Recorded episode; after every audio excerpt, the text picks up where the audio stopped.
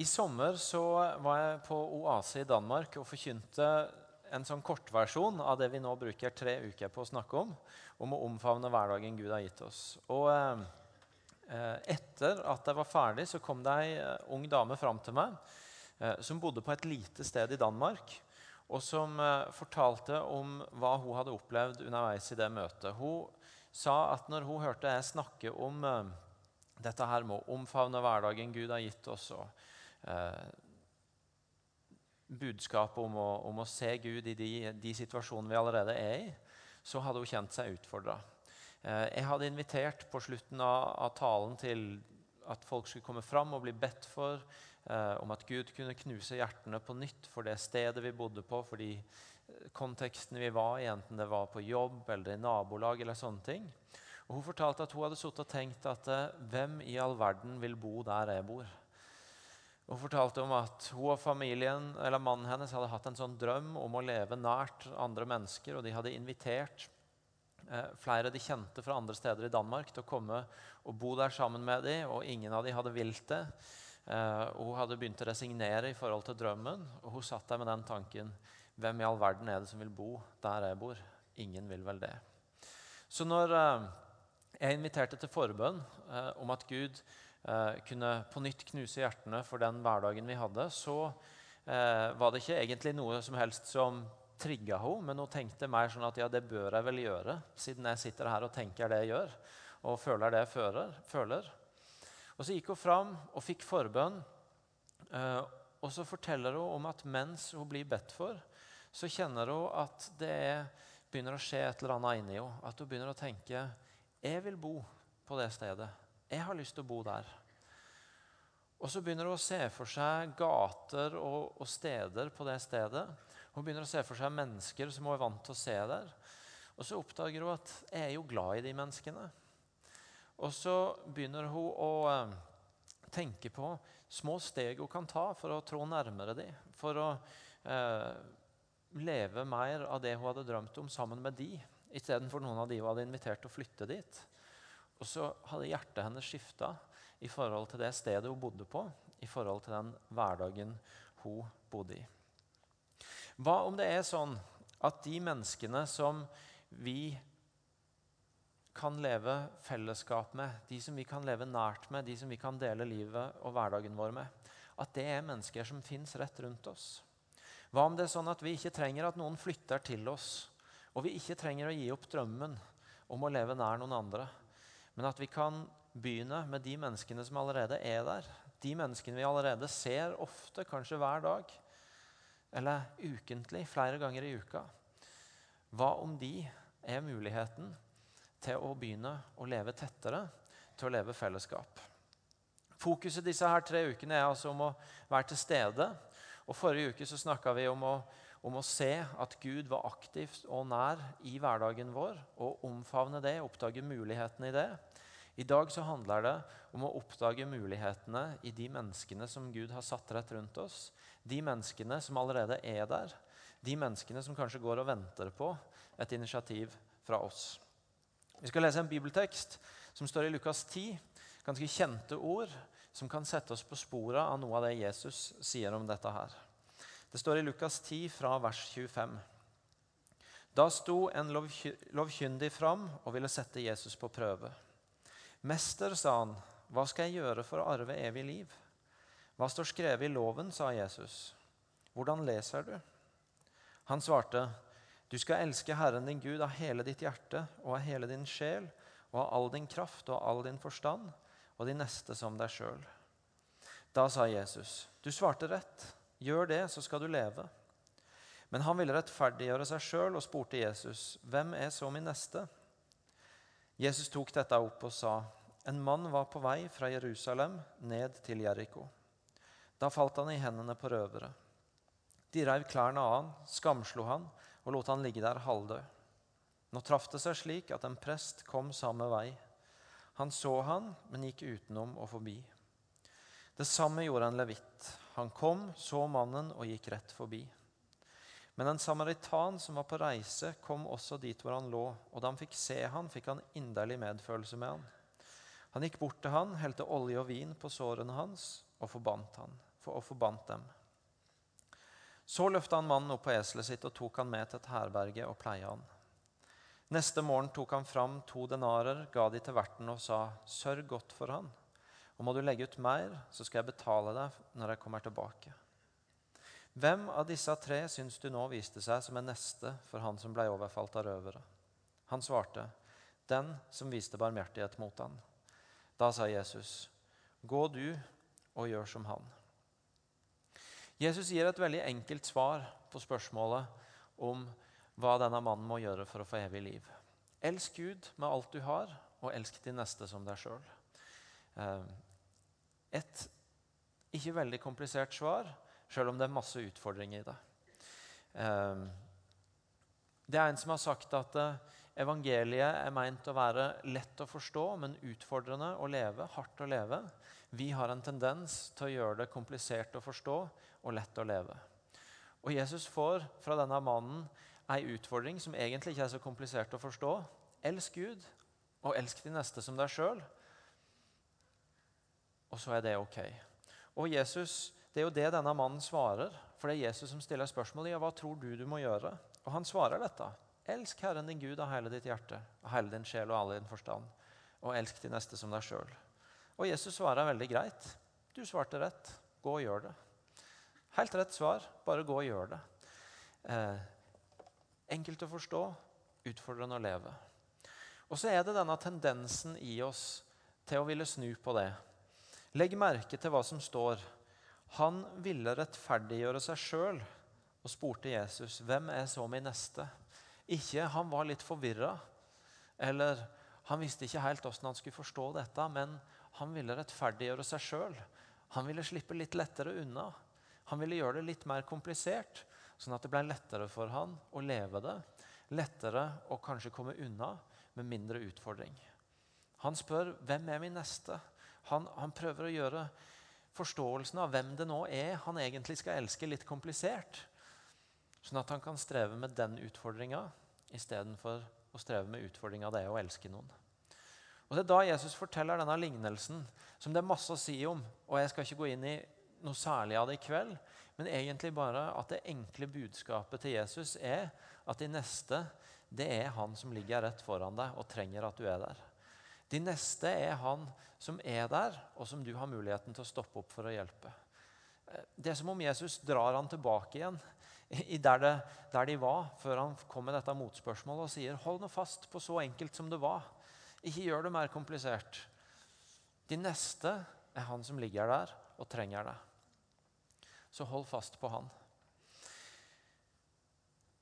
Enkelt å forstå, utfordrende å leve.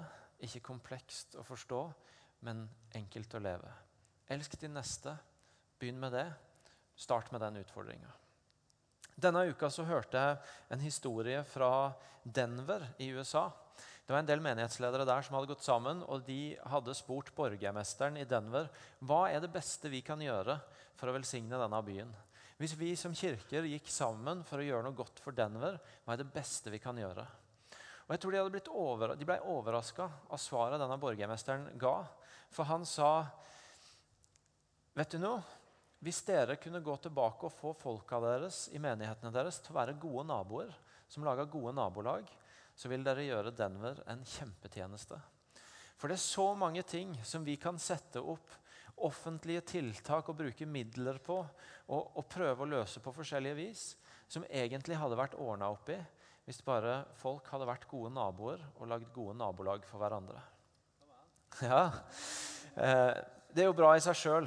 Eh, så de gikk tilbake, og så valgte de På engelsk så er jo denne teksten her, så står det ikke 'din neste', men 'your neighbor'. Så de valgte å gå til menighetene sine og si 'la oss ta dette her helt bokstavelig'. Gå og elsk naboen din'. Og Så begynte de å gjøre noen undersøkelser i menighetene sine om hvordan det sto til. De delte ut et sånt ark hvor de utfordra folka sine til å skrive opp eh, tre ting. Se for seg husa til de de bodde rundt, og skrive opp navnet på de som bodde der. Én ting de kunne si om de som bodde i de gitte husa, som de måtte ha funnet ut ikke bare av å stå og kikke over gardina, men av å faktisk ha ført en samtale med dem. Og én ting som viste at de hadde hatt en samtale som gikk litt på dypet med hverandre. En samtale som gikk litt lenger enn til hei og hå, og hva jobber du med, og hvor kommer du egentlig fra? Eh, det som gikk igjen i alle menighetene, var at det var omtrent den samme svarprosenten alle steder. Og det var at ca. 10% kunne si navnet på naboene sine. Rett under 3% kunne si noe eh, om naboen som viste at de faktisk hadde ført en samtale med dem.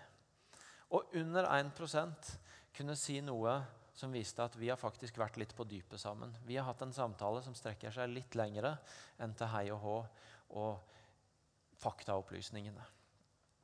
Og Denver er Denver, Stavanger er Stavanger, USA er USA, Norge er Norge. Det kan godt hende at vi hadde kommet heldigere ut. Vi kan i hvert fall like å tro det om oss sjøl. Eh, men det skal være tall som, som, kan utfordre oss litt, som vi bare kan tygge litt på. Som vi kan ta inn helt konkret i mitt og vårt eget liv. Og, teste ut ja, ja, hvordan ser det ut hos meg. Og kanskje kan vi, siden vi i dag snakker om Guds familie, om menighetsfellesskapet, så kunne vi jo til og med tatt det inn i huset her og spurt ja, av de du sitter på rad med nå, hvor mange kan du navnet på? Hvem kan du noe som viser at du har snakka med dem? Eh, hvem vet du et eller annet om som viser at du har vært litt lengre enn bare til overflata med dem? Og la det få utfordre oss litt på om det sitter mennesker bokstavelig talt ved siden av oss som det er mulig å bli litt bedre kjent med og komme litt nærmere. Er det noen ganger sånn at vi er mer glad i drømmen om et fellesskap enn vi er i de menneskene vi har mulighet til å gjøre fellesskap med. Er det noen ganger sånn at vi har massevis av tanker om hva som kunne vært bedre med menigheten vår eller med de menneskene vi har rundt oss? At vi bruker mer tankekraft og energi på det enn på bare å begynne å gjøre det med de menneskene vi har mulighet til å gjøre det med. Um, er det sånn av og til? Jeg tror det er sånn av og til. At vi kan bli mer glad i og mer fascinert av drømmen om å leve nært noen enn av å bli, bare være glad i de menneskene vi har fått muligheten til å gjøre det sammen med. Og Det kan få lov til å utfordre oss litt. Vi skal gå videre til et annet bibelsted. Apostlenes gjerning er fire. Et av de stedene hvor vi vil lese litt om det fellesskapet som den første kristne kirka hadde. står i Apostlenes gjerning er fire fra vers, 22, vers 32 at alle de troende var ett i hjerte og sinn, og ingen regna det de eide, som sitt eget. De hadde alt felles. Med stor kraft bar apostlene fram vitnesbyrdet om at Herren Jesus var stått opp, og stor nåde var over de alle. Ingen av de led nød, for de som eide jord eller hus, solgte det og kom med pengene, og la de for apostlenes føtter. Så fikk hver enkelt tildelt det han trengte. Josef, en levitt fra Kypros, ble av apostlene også kalt Barnabas, det betyr trøstens sønn. Han solgte en åker han eide, kom med pengene og la de for apostlenes føtter. Det vi leser om her, er et utrolig sterkt uttrykk for fellesskap. Det står om at de var ett i hjerte og sinn. Det står om at de hadde alt felles. Det er, og Like før så har det stått om at, om at de ba med samme tunge, med én stemme. De hadde alt felles, de var ett i hjerte og sinn. De hadde et fellesskap som var nært som forteller noe om ikke bare at de møtte opp på samme sted, men at de var kommet nær hverandre, at de betydde noe for hverandre. De hadde et fellesskap som var sånn at hvis det var noen der borte som trengte noe, som mangla noe, så angikk det de som satt der. Da måtte de andre forholde seg til det. Eh, de måtte forholde seg til behova til de de levde i fellesskap, de de levde i menighet sammen med.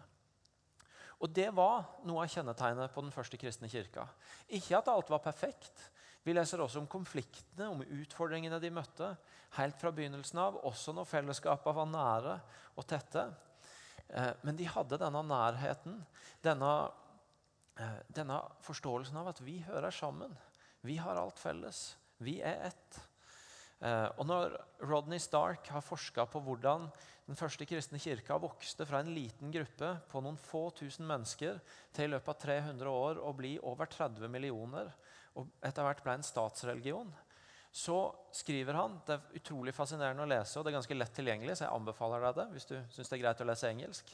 Jeg syns det er rene krimromanen, føles det som for meg. For det er kjempespennende å lese om hvordan kirka utvikla seg og vokste på veldig eh, Det er egentlig ganske utrolig. Fra noen få tusen til over 30 millioner og masse innflytelse i verden rundt.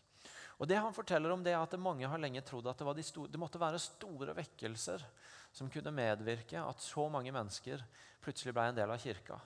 Og Så viser forskninga hans at det antagelig ikke var så mange av disse her massevekkelsene. Men først og fremst så ble, kom folk til tro gjennom relasjoner, gjennom nettverk. Et kristent fellesskap, en menighet, ei tidlig kirke, som hadde dette her nære. De hadde alt felles. De var ett i hjerte og sinn. Som trakk til seg venner, familie, folk rundt inn i dette fellesskapet. Og så at stadig flere, og etter hvert som det ble færre, så vokste det bare raskere, for det multipliserte raskere. Stadig flere ville bli en del av denne gjengen som hadde alt felles, og som var ett i hjerte og sinn. Det syns jeg er spennende. Når vi i IMI har valgt å snakke om Guds familie som ett av tre ord vi bruker for å beskrive hvem vi er, hva som er kulturen vår, hva som er det livet vi har lyst til å dyrke fram her og gi videre til nye som kommer hit, så eh, sier det noe om nettopp den virkeligheten vi har møtt i den første kristne kirke. Om et fellesskap som ikke bare er som et hvilket som helst annet fellesskap, men et fellesskap som er nærere, som stiller mer opp for hverandre, som, som deler noe som ikke hvem som helst gjør. Vi møter i Bibelen og i den første kristne kirka noen ord som forteller om noe annet, noen sånne relasjonsord som far, brødre, søsken som gir oss grunn til å tenke nærere og varmere enn bare ordet fellesskap. Det minner mer om en familie. Guds familie, om du vil. Og Vi snakker om at det har vi lyst til skal være en del av vår kultur. Fordi jeg og du, vi trenger det. Vi trenger å leve sånne liv. Vi trenger å ha noen sånne relasjoner. Vi trenger å komme tett på andre mennesker. Det forteller Bibelen oss, det forteller den første kristne kirka oss, men det forteller sannelig også virkeligheten rundt oss.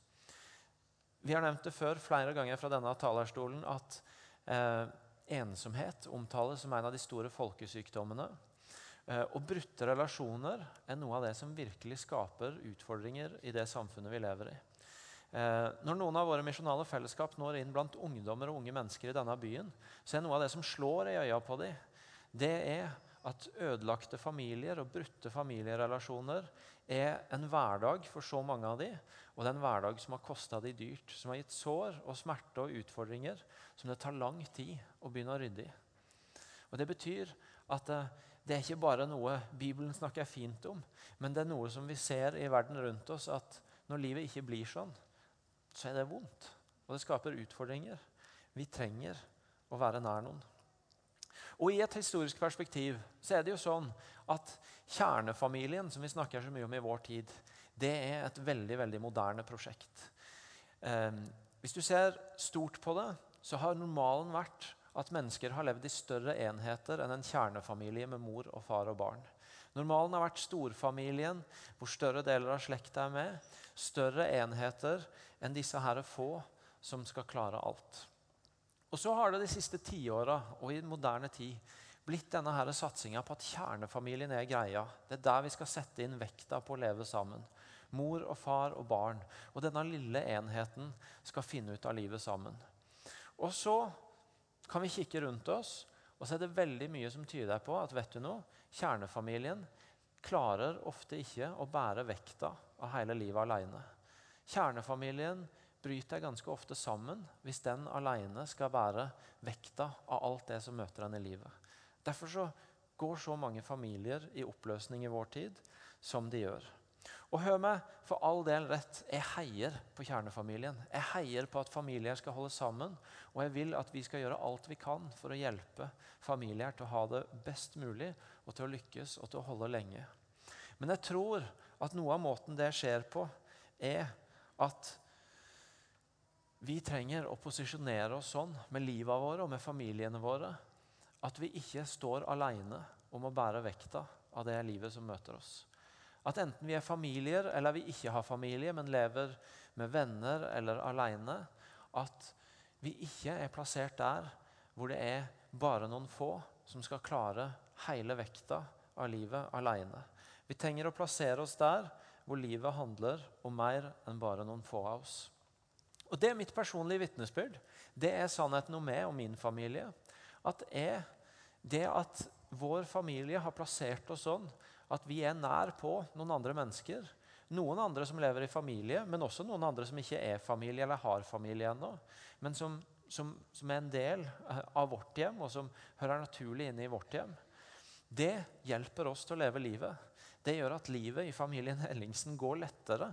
At vi, når vi møter utfordringer, eh, merker at det er noen som bærer de sammen med oss. Det at vi har programmert hverdagen vår sånn at det er noen vi treffer oftere. Men ikke bare det at en oftere treffes for å spise sammen eller være sammen, men det at en har en tankesett som gjør at vi merker at når vi har ei utfordring, så er det veldig fort noen som er der og, og lurer på hva de kan gjøre. Og når noen av de har ei utfordring, så, så kommer det veldig lett på vår radar. Hvordan kan vi hjelpe med det? Det gjør at vekta av livet er så mye lettere å bære for denne familien. Og det gjør at livet er gøyere å leve. Jeg har jo en av og til ganske seriøs jobb, og noen ganger så trenger jeg at noen hjelper meg med å le. Og da hjelper det òg å ha noen folk rundt seg som du, eh, som du, lever tett med, som hjelper deg til å ha det gøy. Så det handler ikke bare om å overleve, men om å leve livet godt. Og det blir til gjensidig velsignelse. Ikke, og, og, veldig viktig for meg å si, dette er en utfordring til de av dere som, som er familier, og som lever i familie. Og det er en utfordring til de av dere som ikke har familie. Og Det er en utfordring til de av dere som er familie, at dere trenger ikke bare å gjøre livet sammen med andre familier. Noen av de som det av og til er størst velsignelse å slippe nært på våre barn, er jo de som ikke har barn sjøl, og som er med på å bety noe for våre barn. Um, så dette handler ikke bare om at når du blir foreldre, så må du finne noen med barn i samme alder, så vi kan leke sammen. Men det handler om at familie eller ikke familie, barn eller ikke barn, finn måter å stå sammen på. Og Min bekjennelse er at jeg blir til og med en bedre pappa av å ha noen rundt meg som hjelper meg med å oppdra barna mine. Det er mye lettere enn hvis jeg skal klare alt sjøl. Jeg lærer litt av å lese noen bøker om oppdragelse, og sånn, men det hjelper meg enda mye mer at det står noen mennesker sammen med meg og hjelper meg med det. Studenter og unge voksne. Jeg hører jevnlig snakk om ensomhet eh, i denne kirka, i, eh, på universitetet i byen vår. Eh, og jeg hører at jeg drømmer om å leve nærmere hverandre, om å gjøre familie sammen med andre, om å leve tettere i fellesskap. Og Samtidig så syns jeg kanskje jeg ser en del av at om drømmen er der, så er ikke alltid viljen der til å ta de valga som, som gjør at det blir noe av. De valga som forplikter, de valga som koster. De valga som gjør at en velger det ikke bare de gangene en har lyst til det, eller en sjøl får noe tilbake for det, men de gangene en gjør det fordi en har valgt det og velger å holde fast ved det. De gangene en gjør det fordi noen andre trenger det. Eh, dette handler om å ta valg som koster også. Om å ta valg som forplikter. Om å ta valg som, som holder både på de gode og de dårlige dagene. En god venn av meg sa, har sagt en gang til meg at, og som lever dette av livet, og, og, som virkelig lever sammen med andre, han, han sa at jeg har på en god dag tatt valg som tvinger meg til å gjøre det på en dårlig dag. Han, han, for han så er det egentlig ikke naturlig å slippe så mange andre inn på seg. Men han sier at på en god dag så har jeg tatt noen valg. Jeg har plassert meg i en sånn situasjon at når jeg har en dårlig dag, så har jeg ikke noe annet valg enn å stå ved de valga. Han har tatt noen valg som forteller at vi hører sammen uansett. Og Sånne valg trenger vi å ta. Og sånne valg trenger vi å vise de vi har rundt oss, at vi har tatt over for hverandre. Det er en som heter eh, jeg tror det er Richard Rohr, som har sagt at det sant fellesskap det blir til når vi plasserer oss sånn at vi gjør oss avhengige av hverandre. Eh, sant fellesskap blir til når vi plasserer oss sånn overfor hverandre at vi trenger hverandre.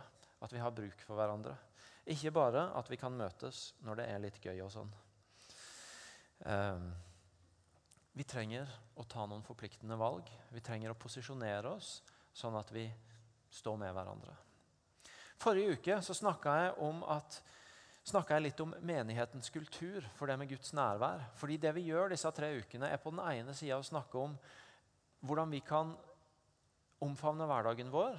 Og Samtidig så snakker vi om det som har vært en del av denne menighetens historie og liv, og som vi har lyst til at det skal fortsette å leve der. Og Forrige søndag så snakka jeg om Guds nærvær og hvordan det har fulgt oss, denne troa på en Gud som er levende og aktiv i vår verden. Uh, og, jeg, og, jeg, fortalte om tilbake i 1980, når en gjeng herfra med Martin i spissen dro til en Vineyard-menighet i York og møtte denne her karismatiske dimensjonen av en Gud som var levende og nær, og som talte til folk og, uh, og, og gjorde ting i folks liv og helbreda og lega sår på innsida. Uh, og de møtte et liv som de tenkte dette kan vi dra hjem til Stavanger og gjøre. Og så dro de hjem, og så begynte de å gjøre det. Og Noe av det som skjedde, det var at etter hvert som den åndelige temperaturen i menigheten steig, så begynte sår som var på innsida i folks liv, å komme opp. Ting som var vanskelig, ting som var utfordrende, ting en kanskje ikke før hadde tort å la maska falle på, begynte å komme i lyset når den åndelige temperaturen steig. Og En av de tingene som da skjedde, det var at det kom inn i kirka eh, noe som heter til leios. Kurs som handler om å bygge en ærlighets- og ekthetskultur Kurs som lærer en å lytte godt til andre. Kurs som lærer en å kommunisere godt. Kurs som lærer en å konfrontere eh, på en kjærlig måte. Det kom inn noen redskap, noen menneskelige redskap som hjalp folk til å håndtere ting som var utfordrende i livet. Som hjalp folk til å gjøre relasjoner godt. Eh, fordi det som kom opp når Gud var nær, det kunne ikke alltid bare løses med forbønn. Det måtte også løses med at en ble flink på menneskelige ting, på relasjoner, på hvordan en møtte hverandre, snakka med hverandre, lytta til hverandre. Og det har gjort så mye i denne kirka, og vi som ikke har vært her så lenge Jeg tror egentlig ikke vi har peiling på hva det har bygd av grunnvann i denne kirka, i det å møte hverandre, i det å ha kompetanse på relasjoner, i det å, eh, å, å lytte seg inn og kommunisere godt når ting er utfordrende. Det var en som var gjest her, som, som kom og, og, var så begeistra for det livet han møtte i IMI. Og så sa han etterpå den store forskjellen hos dere er at dere har til leie oss. Er at dere har disse her redskapene dere har lært, mange av dere, mange, mange, eh, på hvordan dere møter andre mennesker. Og Liv Eva fortalte meg en gang, Liv Eva som sitter der nede og tar telefonen og møter folk med et smil når de kommer inn på kontoret vårt. Hun fortalte meg at en gang så ringte det en til henne og var sint. Eh, og jeg tror han hadde lyst til at Liv Eva også skulle bli sint, for han eh, prøvde i hvert fall å ta henne og fyre henne opp litt og ville, ville ha i gang en krangel. Og Liv svarte og svarte og svarte, og til slutt så sa han Har du gått til leie oss, eller? Fordi han klarte ikke å vippe henne av pinnen. Uh, og I går så avslørte til og med også Irene for meg, Irene og Martin, som da, for de av dere som ikke er husvarme her, det er de som har leda kirka siden 1979, fortalte Irene at uh, det hendte av og til at Martin sa til henne ikke ta til leie oss på meg nå, da. når, uh, når, hun skulle prøve å, prøve å, gjøre dette riktig. Så dette er noe vi har lært. Det er noe som ligger der og som har hjulpet oss eh, til å møte mennesker i forskjellige situasjoner. Og Det er en kultur vi trenger å ta vare på, og kunnskap som vi trenger å ta vare på. Du og jeg trenger noen å gjøre livet sammen med. Og vi trenger å lære oss måter å gjøre det på eh, som gjør at vi kan leve i sånne relasjoner og sånne fellesskap når dagene er gode, og når dagene er dårlige. Vi trenger storfamilien som samles her, Guds familie er ikke bare det lille fellesskapet. Guds familie er det store fellesskapet. Og vi trenger den store gjengen som står sammen, og som sammen når lengre enn en liten enhet kunne gjort. Og som sammen kan bære mer enn en liten gjeng kunne gjort. Du vet, Vi kan få masse hjelp med livet vårt i ei cellegruppe. Men når utfordringene blir større enn det vi klarer å løse der, så er det ikke sikkert at ei cellegruppe klarer å starte et veiledningssenter. Men det har dette storfellesskapet klart. Eh, det er en del ting som vi ikke kan gjøre i de små settingene, men som storfamilien kan gjøre. Og som gjør at vi trenger hverandre, og vi trenger å stå sammen. Eh, også som en stor familie. Men vi trenger også det lille. Vi trenger det nære, vi trenger det disippelgjørende fellesskapet. De stedene hvor vi kommer nær, hvor vi kommer innpå hverandre, hvor vi kan hjelpe hverandre med å leve livet som Jesus har kalt oss til. Og hva om de menneskene er rett rundt oss? Hva om det er noen av de menneskene som sitter i dette rommet, eller som vi møter ofte, som er i hverdagen vår? Hva om vi ikke trenger å leite etter dem, eller be noen flytte hit, men at vi kan begynne med de som er her, med å være til stede i de samtalene vi får, i de spørsmåla vi stiller, i de observasjonene vi gjør, og se hva som skjer når vi begynner å trå nærmere hverandre og begynner å ta de mulighetene som er der. Hvordan skjer det? Hvordan gjør vi det? Mange muligheter, mange måter å, å, å gjøre det på etter forskjellige situasjoner. Noen få tips kan være å, å reflektere litt over hvilke spørsmål er det vi stiller hverandre. Dere så en video ved starten med ett skrekkeksempel og ett godt eksempel. Eh, snakker vi bare om oss sjøl? Stiller vi bare overfladiske spørsmål? Eller kommer vi nær folk, lytter til folk? Lurer jeg på litt andre ting enn bare de 'jo da, så kjekt å se deg'-spørsmåla? Stiller jeg spørsmål som gir mulighet for å ta et steg nærmere hverandre? Angår andres behov oss? Er det sånn at når, når noen rundt deg som du har mulighet til å trø nær, har ei utfordring, så, så opptar det det. Det ene er selvfølgelig på materielt vis, hvis noen mangler noe fysisk. Men, men, men, det stopper ikke der. Når noen trenger at du har tid til dem. Angår det deg? Har du tid til dem? Tar du tid til dem? Angår behovet til menneskene rundt deg på en sånn måte at du kan begynne å trå nærmere dem? Det er ganske mange som kan fortelle om at det at vi sto sammen i en storm i livet, det bygde et bånd og et vennskap som det skal veldig mye til å rokke ved i tida som følger. Snakker vi folk opp, eller snakker vi de ned? Det er utrolig hvor mye nærmere vi kan komme hverandre av å snakke godt om hverandre. Det er utrolig hvor mye nærmere vi kan komme hverandre av å framheve det vi ser i hverandre som er godt. Komplementere små og store ting vi ser som er bra. Enten det er et fint navn, eller et fint antrekk, eller en god egenskap, eller et godt smil, eller hva det måtte være. Det å ikke snakke hverandre opp kan skape mye avstand, men det å snakke hverandre opp kan bringe oss ganske mye nærmere hverandre. Ber vi for hverandre? Jeg har mange erfaringer av at når jeg ba for folk, så skjedde det noe i hjertet mitt, og jeg kom nærmere dem. Og enda bedre Gud hører jo bønner. og Vi snakka forrige søndag om at han er levende og aktiv i vår verden. Så plutselig så var det ikke bare at det skjedde noe i hjertet mitt, men det dukka opp noen muligheter i hverdagen min til å komme nærmere dem. Gud åpna noen dører, noen muligheter, når jeg ba for dem. Vi kan be for folk. Åssen spørsmål stiller vi? Angår andres behov oss? Snakker vi folk opp? Ber vi for folk? Det er noen enkle ting å begynne med. Og Så kan dere bruke samtalene rundt kjøkkenborda og middagsborda og i de disippelgjørende fellesskapene og andre steder denne uka til å snakke om andre måter og andre observasjoner dere gjør. av at Når vi gjør sånn, så tar vi ett skritt nærmere hverandre så omfavner vi noen av de mulighetene til å leve med mennesker som uansett er der. Jeg snakka om nabolaget i stad. Vi flytta inn i et nabolag for litt over et år sia. Og eh, har etter hvert tenkt mer og mer på hvordan kan vi bli litt bedre kjent med mennesker rundt oss. Eh, og lurt mye på det og bedt om det. Eh, forrige uke så gikk Hildegunn bare og ringte på døra til to av de, Og så spurte hun om de ville komme og besøke henne. Og så ville de jo det. Så det var ikke så veldig mye vanskeligere enn å ringe på ei dør og spørre. Noen ganger er det ikke så veldig mye vanskeligere enn det. Det er ofte lettere enn vi tror. Spørre, henvende seg, stille et spørsmål, be en bønn, gi et kompliment, møte et behov. Og så er vi i gang. Jeg og du trenger mennesker å dele livet med. Og Spørsmålet denne uka er ganske enkelt. Hvilke mennesker har du? Hvilke mennesker har Gud gitt deg i din hverdag, og hva har du tenkt å gjøre med det? Skal vi reise oss og be sammen?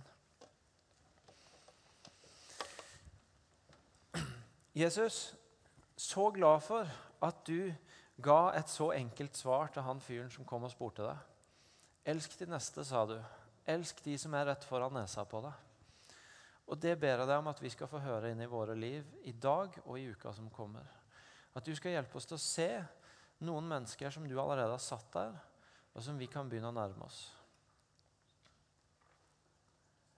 Tal til oss, oppmuntre oss, møte oss, gi oss frimodighet til å ta noen steg nærmere, til å gjøre noen enkle ting, til å omfavne noen enkle muligheter, til å være til stede i den hverdagen vi har, med de menneskene vi er gitt. Jeg har lyst til å be deg spesielt for de her inne som har distansert seg fra noen, og som føler at nå er det gått så lang tid at nå tør jeg egentlig ikke å prøve igjen. Og så ber jeg dem at de skal få høre ord om at det er en ny mulighet, en ny dag, en ny start. Du kan egentlig bare begynne på nytt i dag.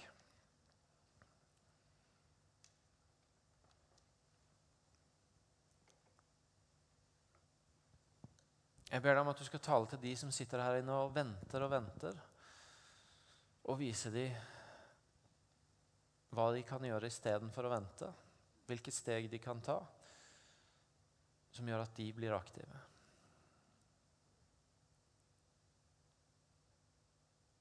Jeg ber deg om at du skal møte de som er såra og skuddredde fordi de har prøvd og blitt skuffa, og gi ny tro og nytt mot. Og Jeg ber deg om at du skal frelse oss fra å være mer glad i drømmen om et fellesskap enn i de menneskene vi kan gjøre det med. Kom med din kjærlighet inn i våre liv til de menneskene du har gitt oss for.